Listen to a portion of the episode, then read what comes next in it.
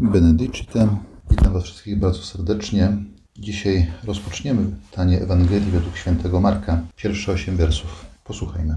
Początek Ewangelii Jezusa Chrystusa, Syna Bożego, jak jest napisane u proroka Izajasza. To ja posyłam wysłańca mego przed Tobą. On przygotuje drogę Twoją. Głos wołającego na pustyni. Przygotujcie drogę Panu, prostujcie dla Niego ścieżki. Wystąpił Jan Chrzciciel na pustyni i głosił chrzest nawrócenie na odpuszczenie grzechów. Ciągnęła do niego cała judzka kraina oraz wszyscy mieszkańcy Jerozolimy i przyjmowali od niego chrzest w rzece Jordan, wyznając swoje grzechy. Jan nosił odzienie z sierści wielbłądziej i pas skórzany około bioder, a żywił się szarańczą i miodem leśnym. I tak głosił: Idzie ze mną mocniejszy ode mnie, a ja nie jestem godzien, aby schyliwszy się, rozwiązać rzemyk u jego sandałów. Ja chrzciłem was wodą, on zaś chrzcić was będzie Duchem Świętym. Zacznijmy od zwrócenia uwagi na jedno z najpiękniejszych słów, jakie w ludzkim języku istnieją, a mianowicie na ten rzeczownik, którym cały tekst markowy się rozpoczyna. Ewangelia.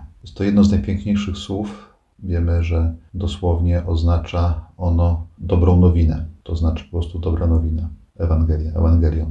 I mimo upływu tylu wieków, przemijania kolejnych e, ideologii, różnego rodzaju poglądów, konkurujących ze sobą filozofii, różnego rodzaju podejścia do życia. Od prawie dwóch tysięcy lat ludzie sięgają, czytają Ewangelię, e, ludzie różnych ras, różnych, różnego wykształcenia, różnych języków, ludzie dobrzy, ludzie źli, ludzie walczący, ludzie, którzy się poddali, sięgają po Ewangelię i znajdują w niej inspirację do życia. E, znajdują w niej inspirację do życia, bo z tej książki dowiadują się, że dla kogoś, kogo nazywamy Bogiem, są tak ważni, że zesłał swego jedynego syna.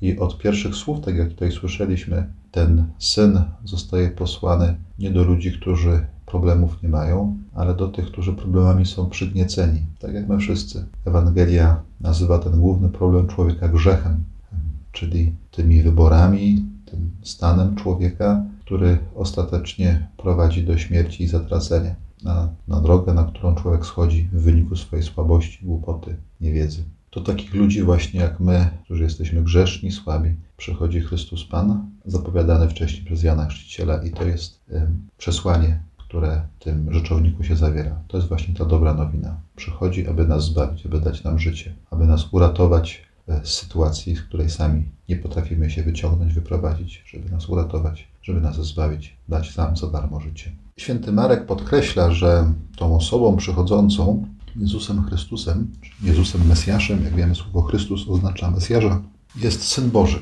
czyli nie byle kto, nie jest to jakiś e, lepszy prorok, e, nie mamy tutaj do czynienia z jakimś supermenem, ale mamy z bezpośrednim osobowym zaangażowaniem samego Boga który nie chce zgodzić się na to, żeby jego stworzenie oddaliło się od niego i, i żeby bez niego umarło, ale właśnie na to, żeby tak się nie stało, posyła swojego syna, idzie sam.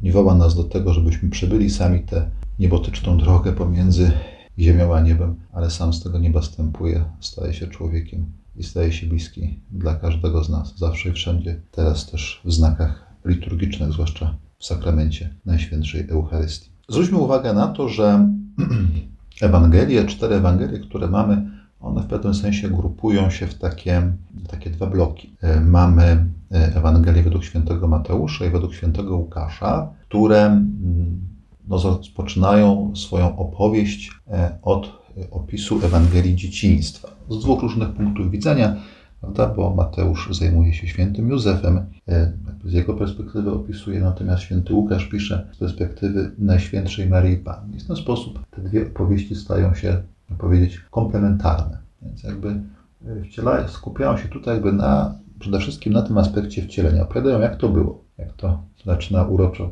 święty Mateusz. Z narodzeniem Jezusa Chrystusa było tak. I potem snuje, potem snuje swoją opowieść. Natomiast Marek i święty Jan, e, oni mm, rozpoczynają swoją opowieść zupełnie inaczej, ale kiedy przyjrzymy się oby, uważnie obydwu Ewangeliom, to czynią to w zasadzie w sposób analogiczny. Więc e, interesuje ich przede wszystkim ta, ten Boży byt odwieczny z samego początku, ta Boża preegzystencja, u Jana prolog na temat słowa.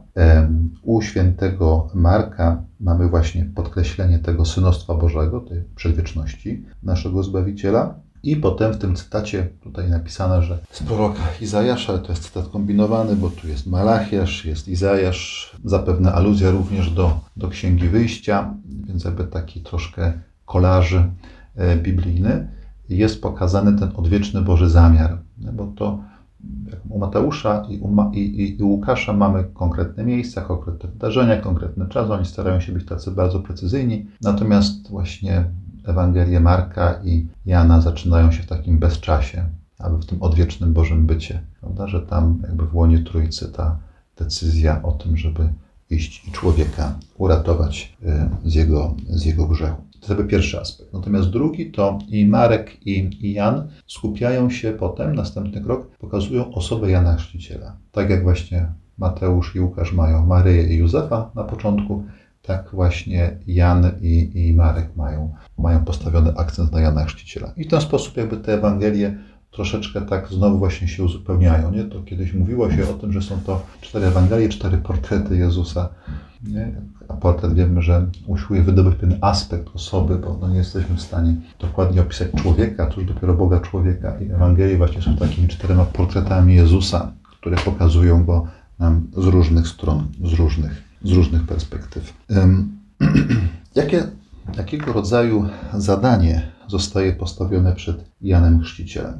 Jan Chrzciciel zostaje posłany po to, aby ludziom przypomnieć o istnieniu grzechu. Mówi, że idzie na pustynię, żeby głosić chrzest nawrócenia na odpuszczenie grzechów, ale również daje im, tym ludziom, nadzieję. Przypomina o złu, którym są, którym jesteśmy mm, jakoś, które jesteśmy jakoś zaangażowani, e, z którym jakoś się zmagamy, z którym jakoś żyjemy, ale z drugiej strony jednocześnie daje nadzieję na to, że jest możliwa zmiana, jest możliwe wyjście na to. I jako tę, tę, to, to źródło, jako tę przyczynę człowieka, który będzie jako tę przyczynę, jako źródło tego, który nam pomoże z tych naszych grzechów wyjść, e, będzie właśnie pojawienie się e, Syna Bożego. On go tutaj tak nie nazywa. Mówi e, o nim w sposób taki bardzo tajemniczy. Idzie ze mną mocniejszy ode mnie. Ja nie jestem godzien, żeby schyliwszy się rozwiązać rzemek u jego sandałów, czyli nie jestem godzien być nawet jego niewolnikiem, bo to o to w tym wypadku o to w tym wypadku chodzi. Od razu możemy sobie tutaj przypomnieć odnośnie tego rozwiązywania sandałów, jakby to, co potem właśnie tak analogiczne do Marka święty Jano pisze w 13 rozdziale, że to właśnie Jezus klęknie przed swoimi uczniami i zdejmie im sandały i będzie, i, i będzie im umywał nogi. Więc jakby stanie się to zupełnie jeszcze inaczej, jeszcze bardziej zaskakująco, szokująco niż to, co przewidział, czy to, co czuł, rozumiał, widział y, święty Jan Chrzciciel. I mówi, że on chrzci wodą, czyli on daje nadzieję, ale spełnienie się tej nadziei, czyli chrzest w Duchu Świętym, będzie dziełem samego Jezusa. I cały wysiłek Jana idzie właśnie w tym kierunku. Z jednej strony uświadomcie sobie swój grzech, prawda? Jakby nazwijcie rzeczy po imieniu, a z drugiej strony nie traćcie nadziei i idźcie do tego, który przychodzi po to, żeby was zbawić. Ten chrzest w Duchu Świętym, czyli dosłownie zanurzenie, oznacza, to jest taki pewnego rodzaju formuła teologiczna, która oznacza, że zostaniemy dopuszczeni do życia samego Boga. E, I w tym krótkim fragmencie możemy tak powiedzieć, jakby mamy streszczoną całą Ewangelię. E, całą Ewangelię, całe, całe wydarzenie, które, które miało miejsce w Palestynie te 2000 lat temu. Ludzie, my wszyscy jesteśmy w grzechu, jesteśmy od Boga oddzieleni, e, sami sobie nie jesteśmy w stanie poradzić. Przychodzi Syn Boży, i przeprowadza nas, pomaga nam przez swoją mękę do tego, żebyśmy opuścili grzech, tę ziemię właśnie przeklętą i weszli do ziemi obiecanej, czyli w życie, w życie samego Boga, żebyśmy zostali zanurzeni w Duchu Świętym. Czyli przejście od sytuacji śmierci, potępienia do sytuacji zbawienia i życia wiecznego. W tym tekście jest niesamowita nadzieja.